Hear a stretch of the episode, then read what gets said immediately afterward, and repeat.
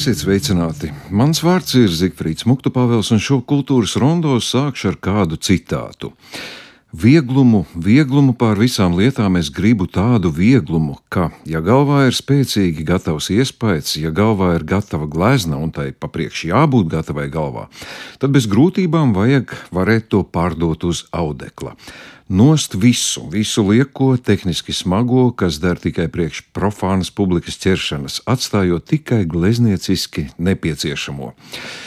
Tā savā vēstulē brālim Jurim rakstīja gleznotājs Ģederts Elijas.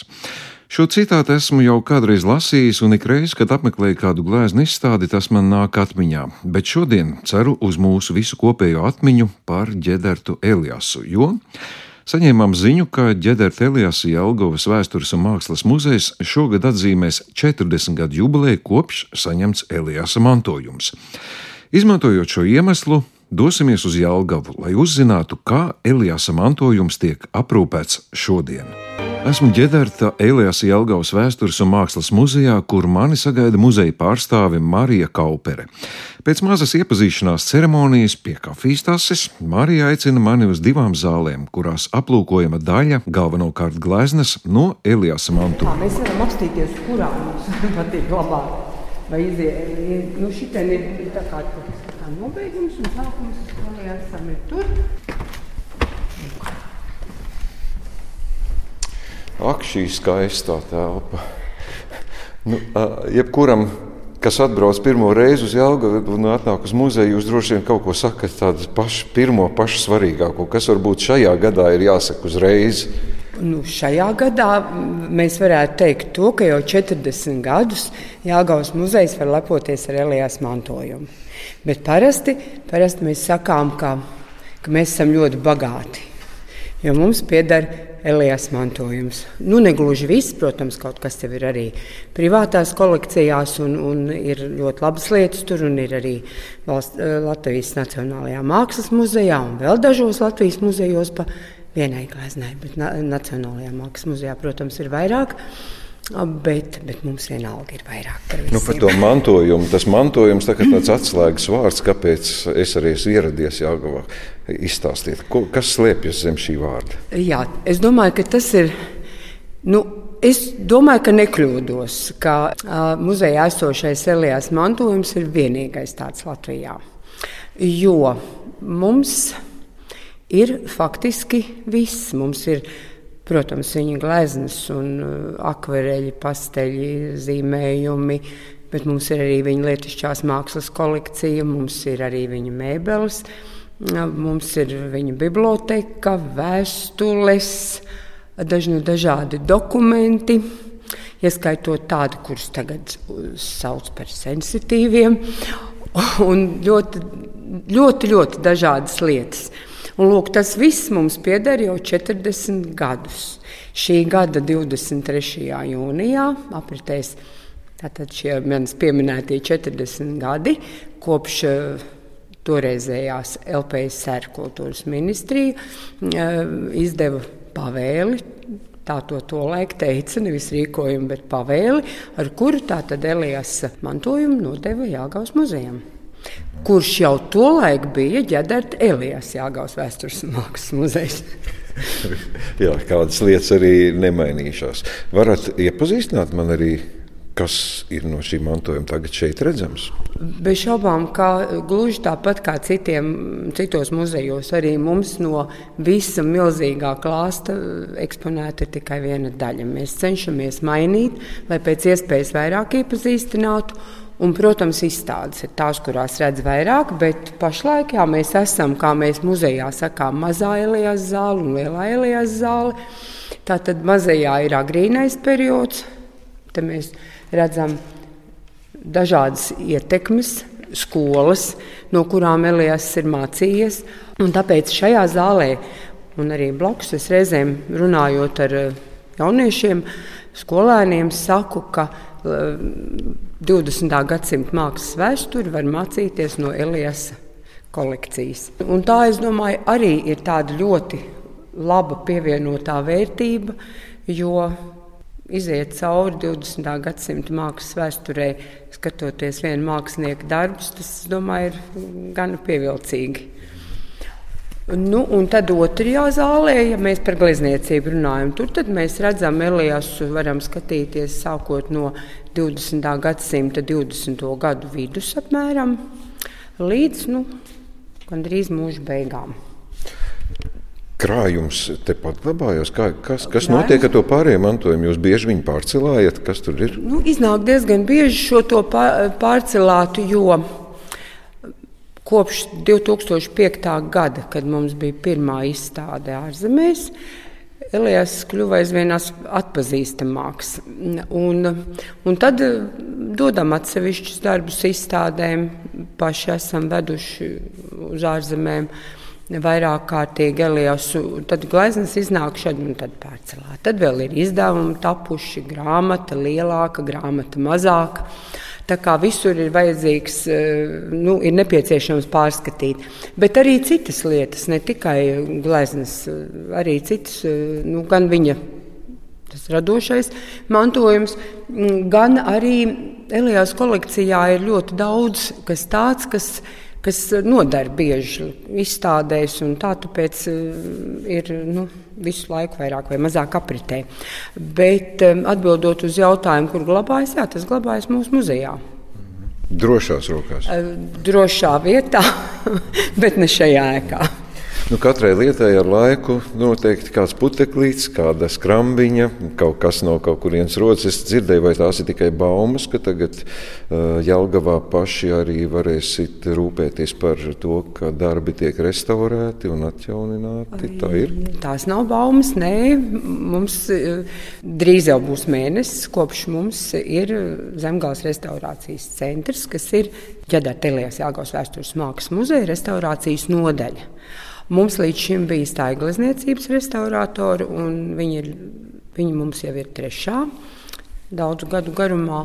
Un mūsu pašu staiglasniecības restauratori arī ir daudz strādājuši ar Elijas gleznām. Bet eh, pašā sākumā, kad mēs šo nu, jau vairāk kārt pieminēto mantojumu saņēmām, tad mums palīdzēja te jau visi Latvijas staiglizniecības restauratori, jo gleznas mm, mākslinieku dzīvoklī tika glabāts nu, nevisai atbilstoši apstākļiem, jo to milzu klāstu vienā dzīvoklī glabāt ir ļoti sarežģīti. Un, bet tagad mums Tātad visu laiku ar to strādāja mūsu pašu māks, eh, restauratori, bet eh, ša, šī restaurācijas nodaļa kas tagad tika tikai dibināta, ir eh, tātad eh, bagāta ar trim restauratoriem. Es saku bagāta, jo tas patiešām tā ir. Restauratori nav vienkārši. Eh, viņiem ir jātiek vēl arī mūsu restauratoriem līdz meistara mm, pakāpei.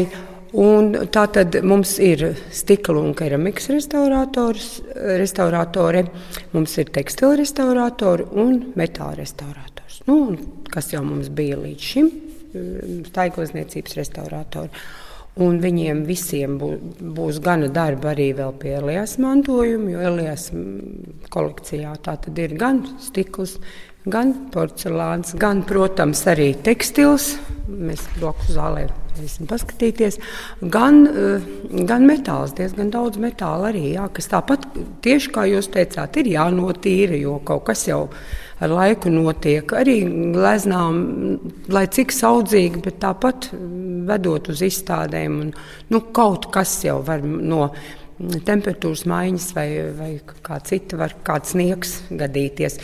Un man ir jāatzīst, ka Elijas kolekcijā vēl ir darbi, kuriem vēl restauratori nav pieskārušies. Jo restaurācija ir ļoti ilgs un, un ļoti, nu, tāds varētu teikt, ļoti smalks process. Un, Tur nevar ne kvadrātmetros restaurēt, ne, ne milzu skaitā. Tāpēc ir vēl darbi, kas ir jāpārāk kur vēl ir jāstrādā. Nu, šāda centra izveide tas ir tāds liels pavērsiens jūsu muzejam nozīmē. Tas ir gan mūsu muzejam, es domāju, pilsētai un vispār mūsu reģionam, jo tas ir zemgals. Un tas tiešām ir svarīgi, jo, kā mēs zinām, tad ārpus Rīgas jau nemaz tik daudz nav. Un, un centrs tiešām ir labi aprīkots, tur ir ļoti labas iekārtas, ar ko strādāt. Protams, dažādi sīkumi vēl ir vajadzīgi, bet eh, lielās lietas viss ir nokomplektēts. Telpas tikko restaurētā ēkā. Tā kā prieks skatīties. Dalot prieku par jaunajām telpām, mana uzmanība pievērsta kādam portretam, kas nav pieskaitāms pie muzeja ekspozīcijas, bet iesaiņots caurspīdīgā celofānā stāv uz grīdas, gluži kā tikko veikts pirkums veikalā. Uz jautājumu par šo gleznu Marija Kaupere palīgā aicina vēsturnieku Edgars Umbraško, kuram ir gatavs īpašais stāsts par to. 2019.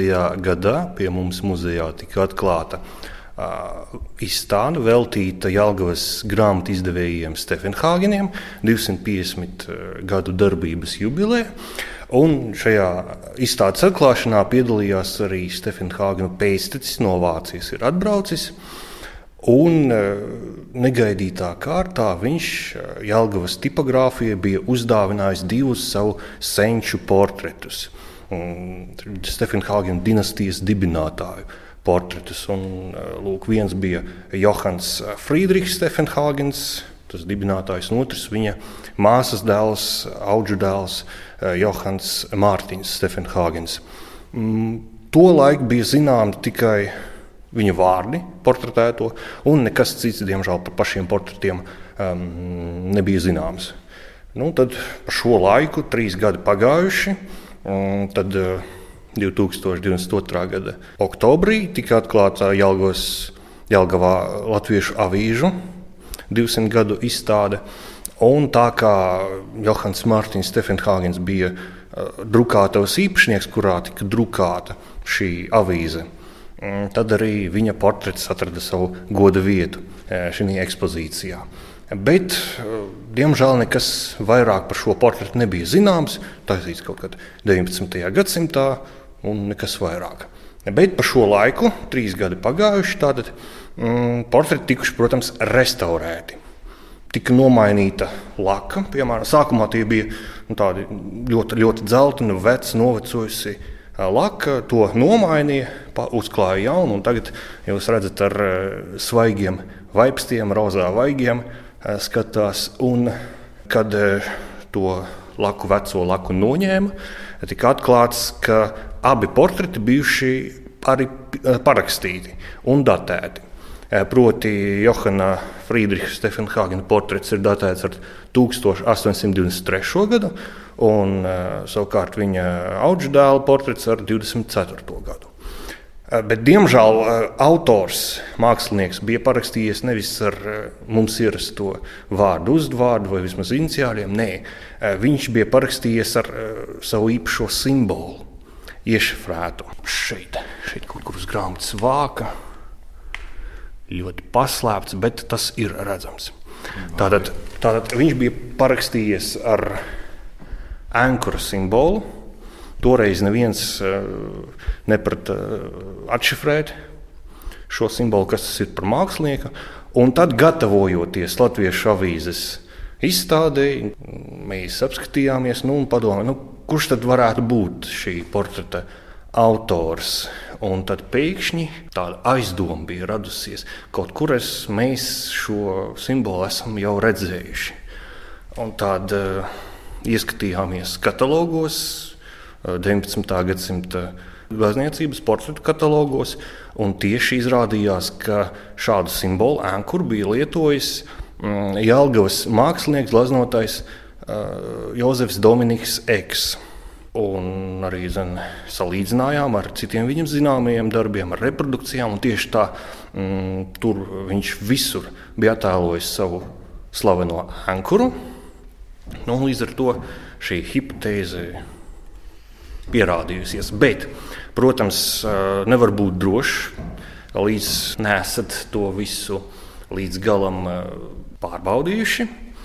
Un tad uzreiz eh, bija jāapskatās nevis uz reprodukcijām, eh, bet uz oriģināliem. Un šeit mums ļoti palīdzēja mūsu kolēģi no Rīgas, Rīgas Vēstures un Kurniecības muzeja eh, krājuma glabātāja mm, Inga Karlstrēma, kur tieši šajā laikā nodarbojās ar eksa portretiem. Bija atsūtījusi fragment no dažiem viņa zināmajiem, droši zināmajiem darbiem parādījis to ankuru lielā formātā.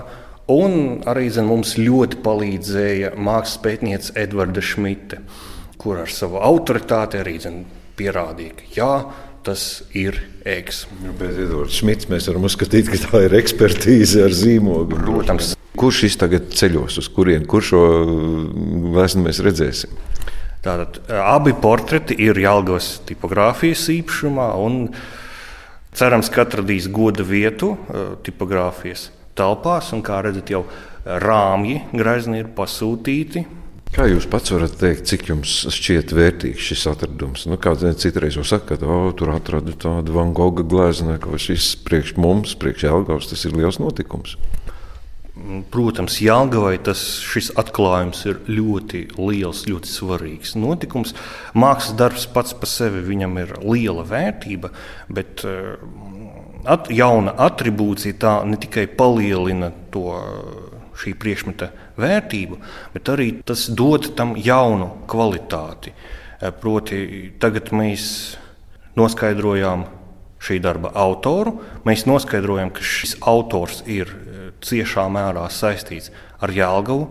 Proti, Jozefs Dominiks Eks eh, vairāk kā 30 gadus bija dzīvojis Jālgavā, un pēdējos 12 savas dzīves gadus viņš arī ir bijis zīmēšanas skolotājs Jālgavas gimnājā, tepat šīs sienās. Te nu atstāšu katra paša ziņā, kā savilkt kopā šo vēsturiski mūsdienīgo stāstu no Edgara un Braško ar jauno restaurēšanas centru, ģedertēlijās un Jāgaunas muzeju, bet atzīšos, ka man radās sajūta, ka nekas nenotiek tāpat vien. Lūk, vēstures notikumi, kuri savīs kopā ar mūsdienām. Bet turpināsim Elijas muzeja apskati ar Mariju Kauperi.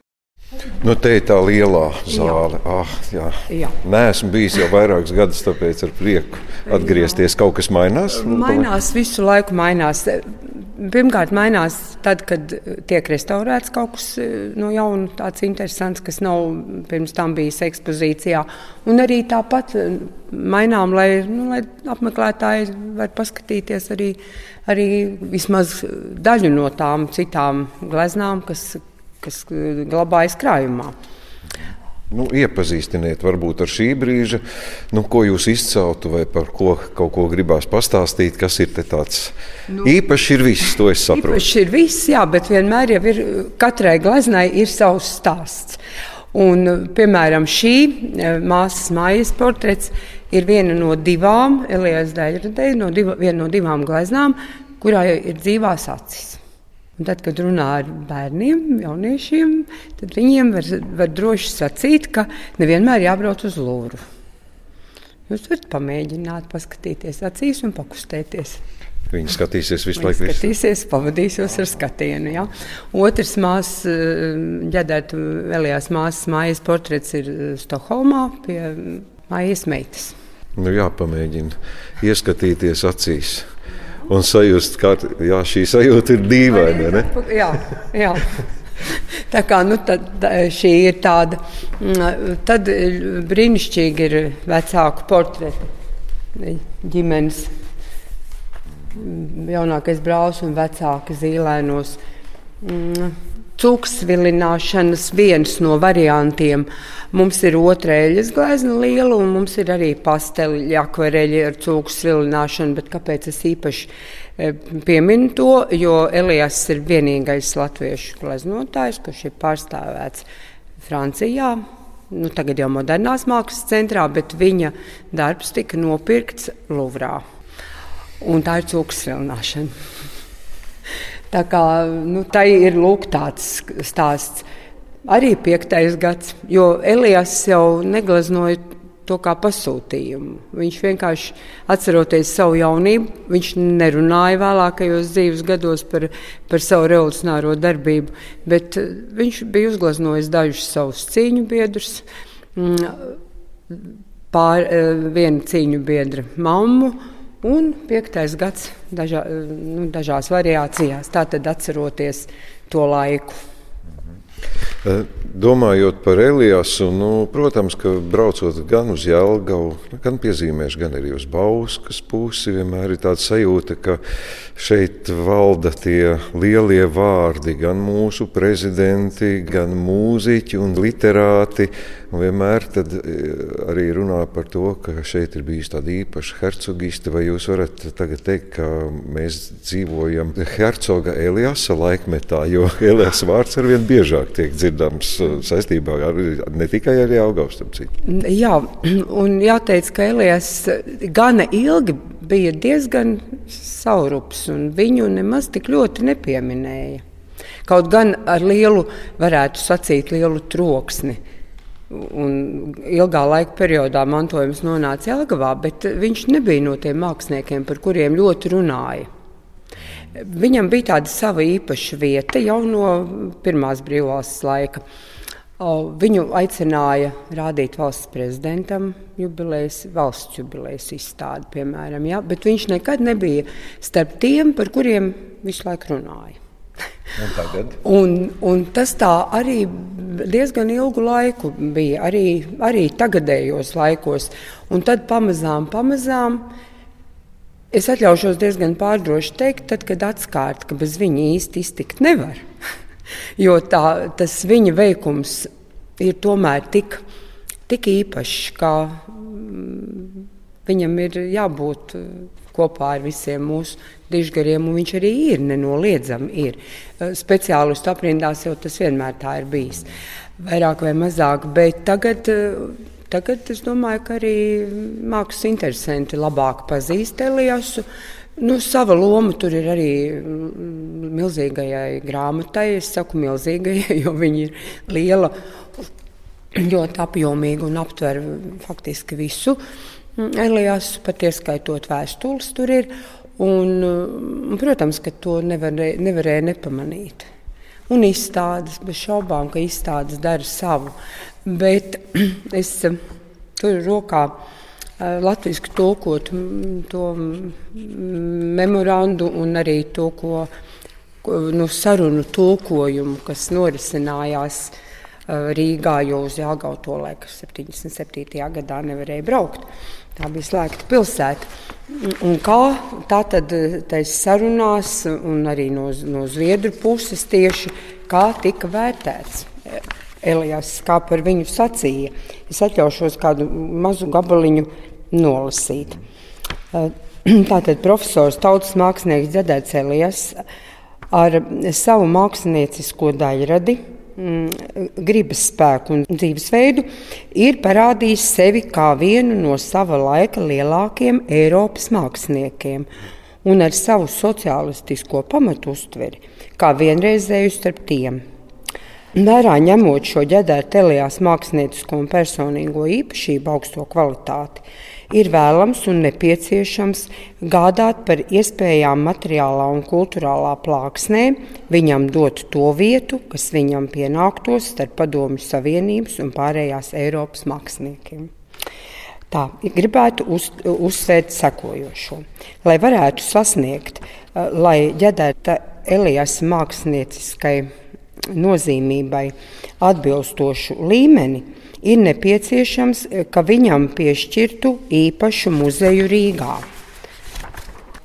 Modernās mākslas centru, kur būtu iespējams apmeklētājiem no visas pasaules iepazīties ar šo lielo mākslinieku. Var atgādināt citus lielus Eiropas meistarus, kam ierīkoti atsevišķi muzeji, piemēram, Munks Oslo, Picasso Barcelonā, Rodēns Parīzē un citi. Un e, vēl maziņu, maz, maz, maz fragmentiņu Elijas vārdā nosauktajam Jālgaus muzejam ar savu provinciālo atrašanās vietu un ierobežoto platību būs galvenokārt lokāla nozīme pašai pilsētai un tās apkārtnē. Un tās beigas es tiešām nolasīju, jo Man šķiet, ka pašlaik mēs pilnīgi esam to pēdējo nojaukuši barjeru. Un, un, eh, domāju, ka daudz, kas brauc uz Jāgautu, turisti, ka viņi brauc arī tādēļ, ka te ir Elijas. Jo, protams, ka Rīgā Nacionālās mākslas muzejā nevar visus māksliniekus parādīt visā nu, pilnā spektrā, jo tas vienkārši nav iespējams. Ja? Un Elijasam ir tā priekšrocība, ka šajā muzejā viņu var apskatīt tomēr nu, diezgan bagātīgi. Vienīgi, ka nu, braucot uz Jaugavu, man nekad nebija ienācis prātā, ka es braucu uz kaut kādu provinci. Man šķiet, ka bez nu, bet no tā laika skatu punkta, jā, un šī cīņa par to, kur Elijas un kā tiks rādīts un vai tiks rādīts, risinājās no 1975. gada, kad Elijas nomira 29. janvārī līdz pat 83. gada 23. jūnijam. Nē, nu, pēdējā no 82. gada bija skaidrs, protams, kur tas viss būs. Ja? Jo Elijas bija mutiski teicis, ka viņš visu vēlas atstāt Jāgaus muzejam, bet mutiski. Un, kā mēs zinām, mutiskie mantojumi nevisai strādā. nevisai strādā jā. nu, to varbūt ir vērts pateikt, ka Elijasam nomirstot, viņam pirmās pakāpes vienīgā mantiniece bija māsa Maija, par kuras portretu mēs runājām, bet viņa dzīvoja Stokholmā. Un māsa Maija ir Feliks Cielēna sieva. Feliks Cielēns ir sociāldemokrāts. Ar visu to vēsturi kādu, un attieksmi, kāda bija tajā laikā. Un, un līdz ar to šīs pārunas un sarunas, kuras risināja Maijas Elijas Cielēnas nots Ketils Genmarkers, un jāsaka paldies viņam par neatlaidību, nu, tad arī galu galā nonāca līdz tam, ka um, vienojās, ka mantojums paliek Latvijā un viņi saņem atlīdzību.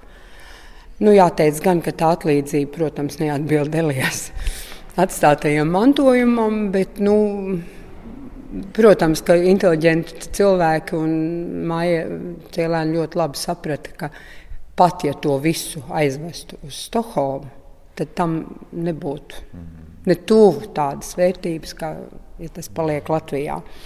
Un, un līdz ar to ir ļoti labi, ka tas tā viss ir noticis, kad mantojums ir palicis šeit un ka mēs varam to skatīties un varam visu skatīties. Jā, lai nebūtu pārsteigums varbūt klausītājiem, ka viņi teiks, mēs esam redzējuši vēl kaut kur. Protams, es jau minēju Nacionālajā Mākslas muzejā, tas arī ļoti loģiski.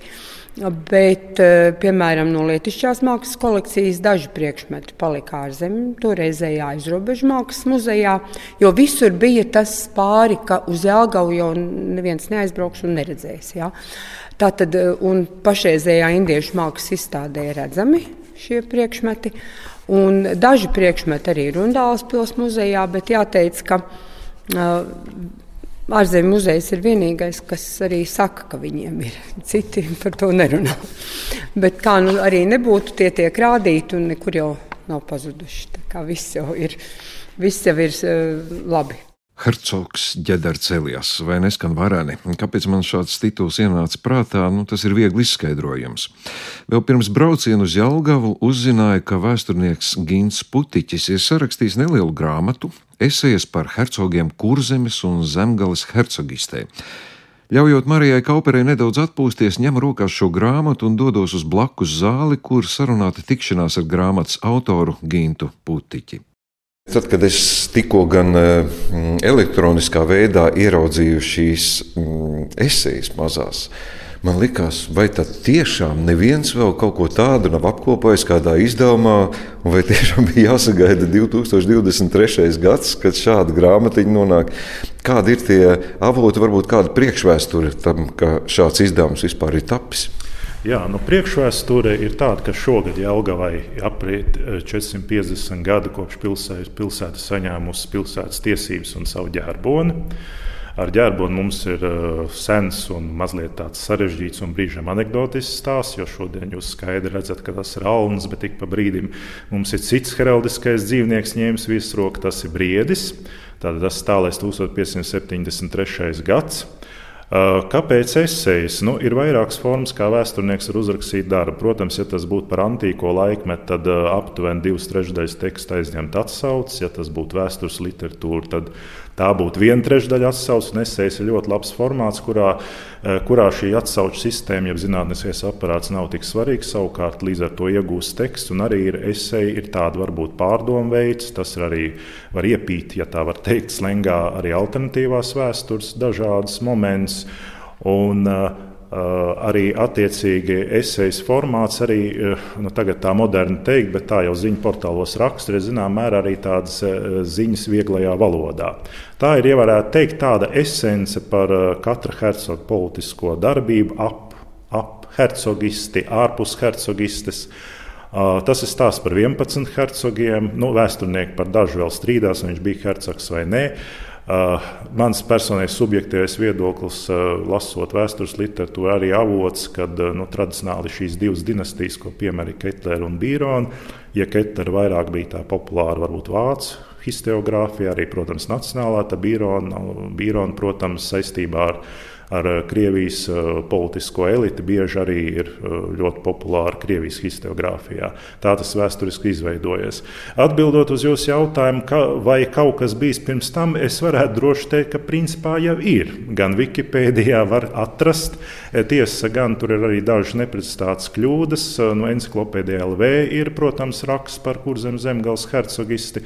Uh, Bet uh, arī grāmatā varas un laikmeta uh, ir brīnišķīgi esēji par kurzem zemgals hercogistu, kas ir ļoti, ļoti uzrunājoša un dažādu domu raisoša. Jo principā Latvijas vēsturē reti kāds ir rakstījis par šo varbūt ļoti nepopulāru alternatīvu vēsturi, kā būtu bijis, ja būtu šie notikumi atrisināti mazliet savādāk. Jo, protams, hercogijas izveidošanas laikā tur bija vairākas iespējas, kā varēja izveidoties šis hercogijas stāsts. Bet jā, Hercogiste 1561. gads, nu, ja mēs runājam par tādu mazliet garāku procesu, gan de facto, gan de jure, tas ir 1561. 62. gads, kad izveidojās šī hercogiste juridiski kā, kā valsts. Un, jā, nu, kāpēc vēl man likās svarīgi uzsvērt? Protams, Rīga vienmēr ir bijis un varēja pretendēt arī Livonijas laikā uz uh, uz, uh, uz visas, varbūt Livonijas uh, tādu ekonomisko un politisko centru, bet nu, tie, tiesa gan viņa tā arī neizveidojās par visas uh, šīs Livonijas galvaspilsētu. Nu, Jaugavā kopš 1642. gada, kad šī pilsēta kļuva par vienīgo hercoga rezidenci, konkrēti hercoga jēkab rezidents, tomēr tā ir tāda pirmā valstiskā veidojuma, ja var tā teikt, galvaspilsēta Latvijā. Pielē man piedod rīznieki, arī pats esmu rīznieks, bet Rīga vien no 1918. gada. Uh, un šis Livonijas stāsts jau arī, nu, būsim godīgi, tā bija tāda varbūt uh, politisko, bezmazliet draugu kopa. Tas viņi nekad neizveidojās pa laicīgu valsti. Uh, formāli viņiem bija tātad gan Āhenē, Vācijas imperatoram pakļaut, gan arī Romas pāvestam. Bet, nu, kā jau par Svēto Romas impēriju neredz saka, viņi nebija ne svēta, ne Romas un pat ne impērija. Un tā Livonija vairāk bija kā tāda sakrāla telpa. Un savukārt šī kurzem un zemgala, kas šodien aizņem no visas Latvijas teritorijas, aizņem kopumā 40%.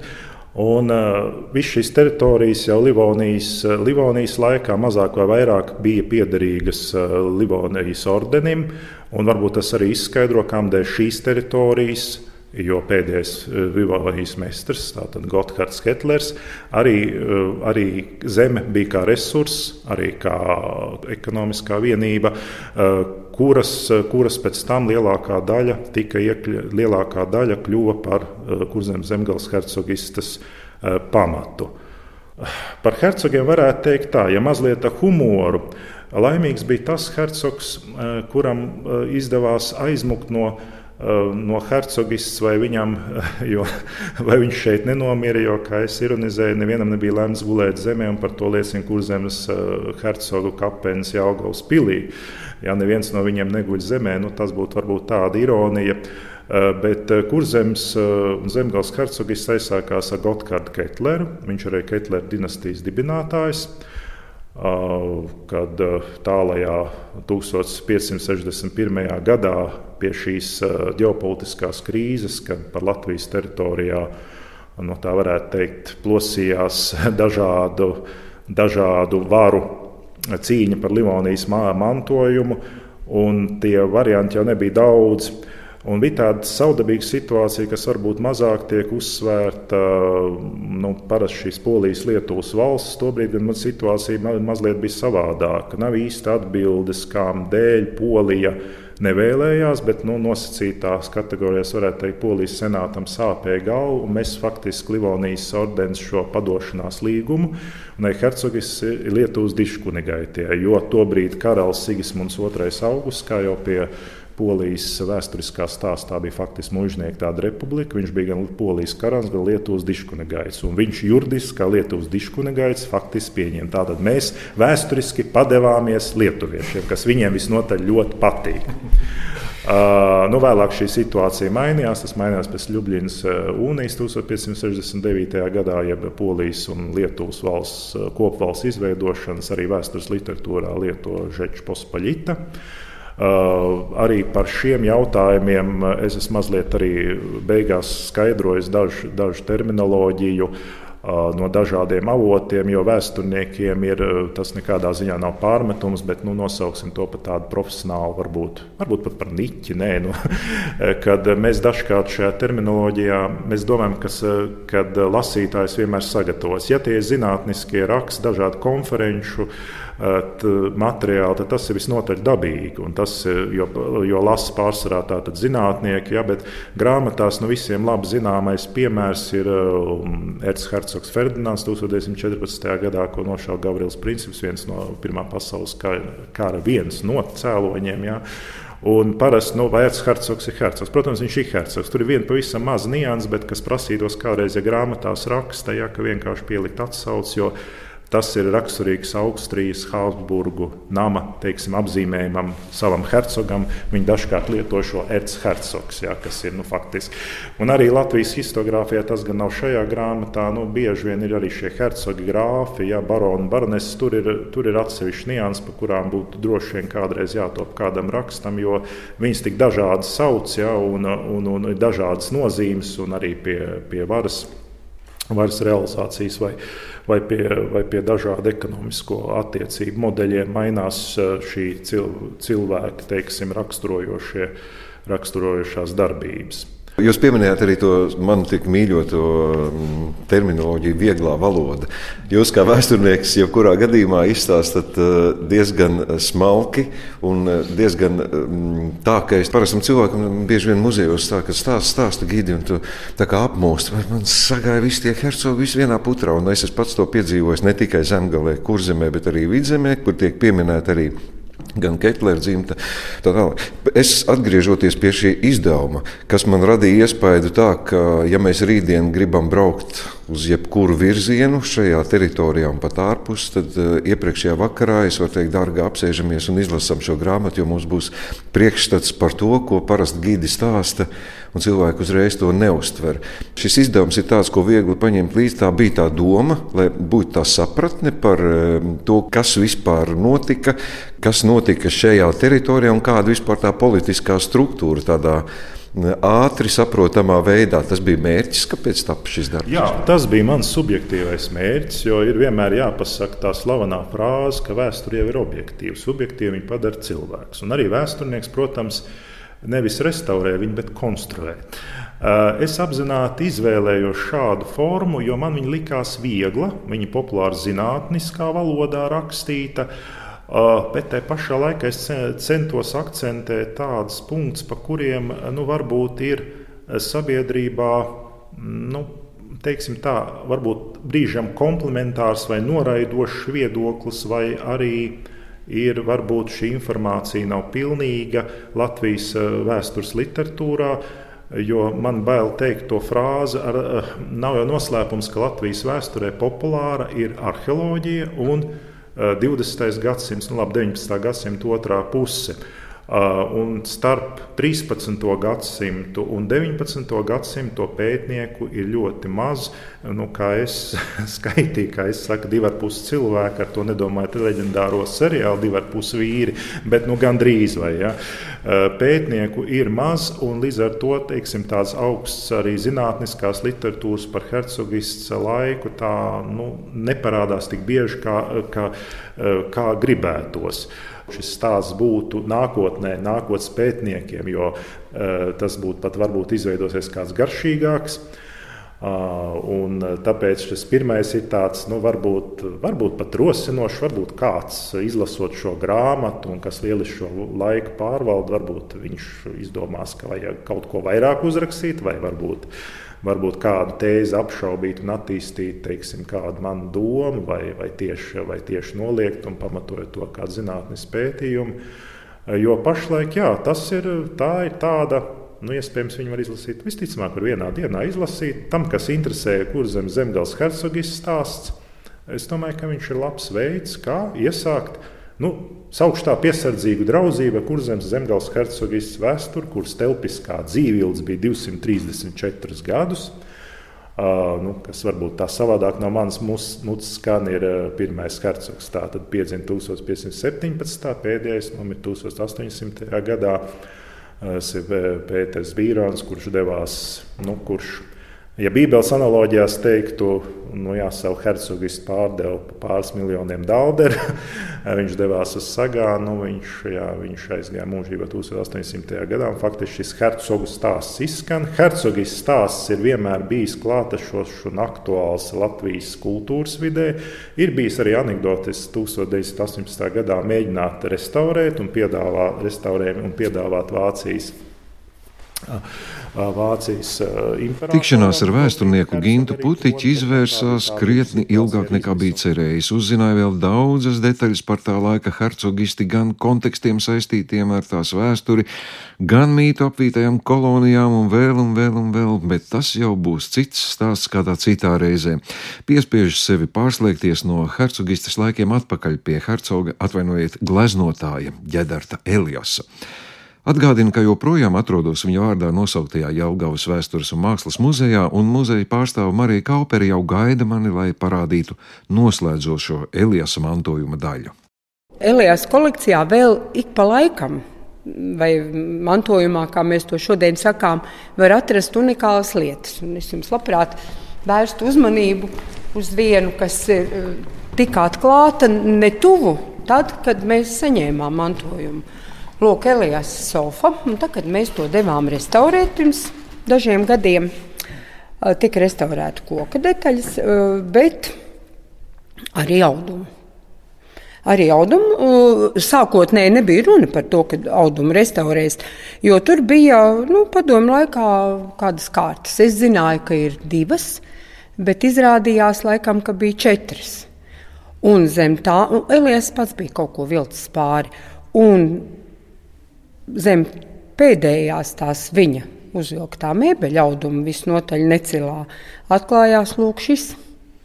Nu, tad tas, protams, tika restaurēts, un tā ir arī diezgan, nu, es varētu atļauties sacīt, unikāla lieta, jo uh, to audumu varēja uzvilkt atpakaļ.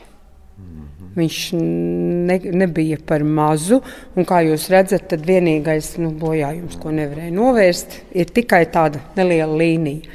Un tiešām skaists un grezns audums, un arī, arī tas atklājās. Bet eh, šodien jau bija saruna par, par pētniecību muzejā, un tā ik pa laikam kaut kas vēl tiek atrasts it kā zināmās lietās.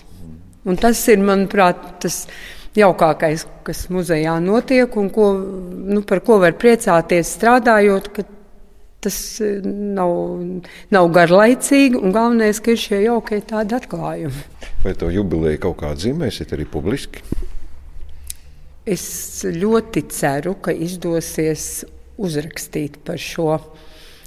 Kā lai saka, Elijas mantojuma sāgu, vai, jo tie tiešām bija gari gadi ar visādām ļoti nopietnām pārunām. Un, un es jau te nolasīju fragmentu Un tas centrs, modernās mākslas centrs, no Zviedru puses tika mm, rosināts tajā vietā, kur tagad ir kongresnams. Tā vēl to saucam. ka tur varētu būt nu, ne tikai nē, nē, nē, nē, nē, tas bija to laiku, tad jau nebija tā vēl. Un ne jau, tas nebija domāts vienam Eliasam, tas bija modernās mākslas centrs ar, ar nu, lielu lielu tādu nodaļu vai, vai, vai sadaļu, kas būtu veltīta Eliasam. Rīgā. Bet es domāju, ka ir labi, ka ir Jālgavā. Un, un jāņem vērā arī tas, ka mākslinieks pats gribēja, lai būtu šeit. Vienkārši nu, nepagūva varbūt sakārtot papīra lietas, bet jebkurā gadījumā mantojums ir pie mums. Mēs cenšamies maksimāli labi to aprūpēt, un galvenais jau arī tomēr darīt zinām sabiedrībai, ka tas viss šeit ir, ka tas ir skatāms. Un ka tas eh, noteikti šeit pie mums var redzēt Elijas nosaukuma līdz beigām. Nevis tikai kaut ko spožu, bet dažus darbus. Ja, te mēs redzam mākslinieku, kā mākslinieku daļradu tomēr varam pārskatīt. Un arī viņam savulaik bija lielāka austrumu mākslas kolekcija Rīgā. Viens no izcilākajiem latviešu gleznotājiem - Ģeders Elijas, kuram mūžā bija lemts pieredzēt revolūcijas, kārus, politiskās iekārtas maiņas, mīlēt un būt mīlētam, iemantot līdz cilvēku cieņu, izjust dziļas zaudējuma sāpes, bet pāri visam būt gleznotājam aizvien ir kā dziļa lāde, kurā vienmēr var atrast kaut ko vērtīgu. Ceru, ka šī nepilnā stunda iedvesmos arī jūs pasmelties kaut ko no šīs vērtību lādes. Uz to mūs aicināja Jelgavas muzeja pārstāve Marija Kaupere, vēsturnieki Edgars un Braško un Gins Putiķis, kā arī šī raidījuma producente Santa Lauga.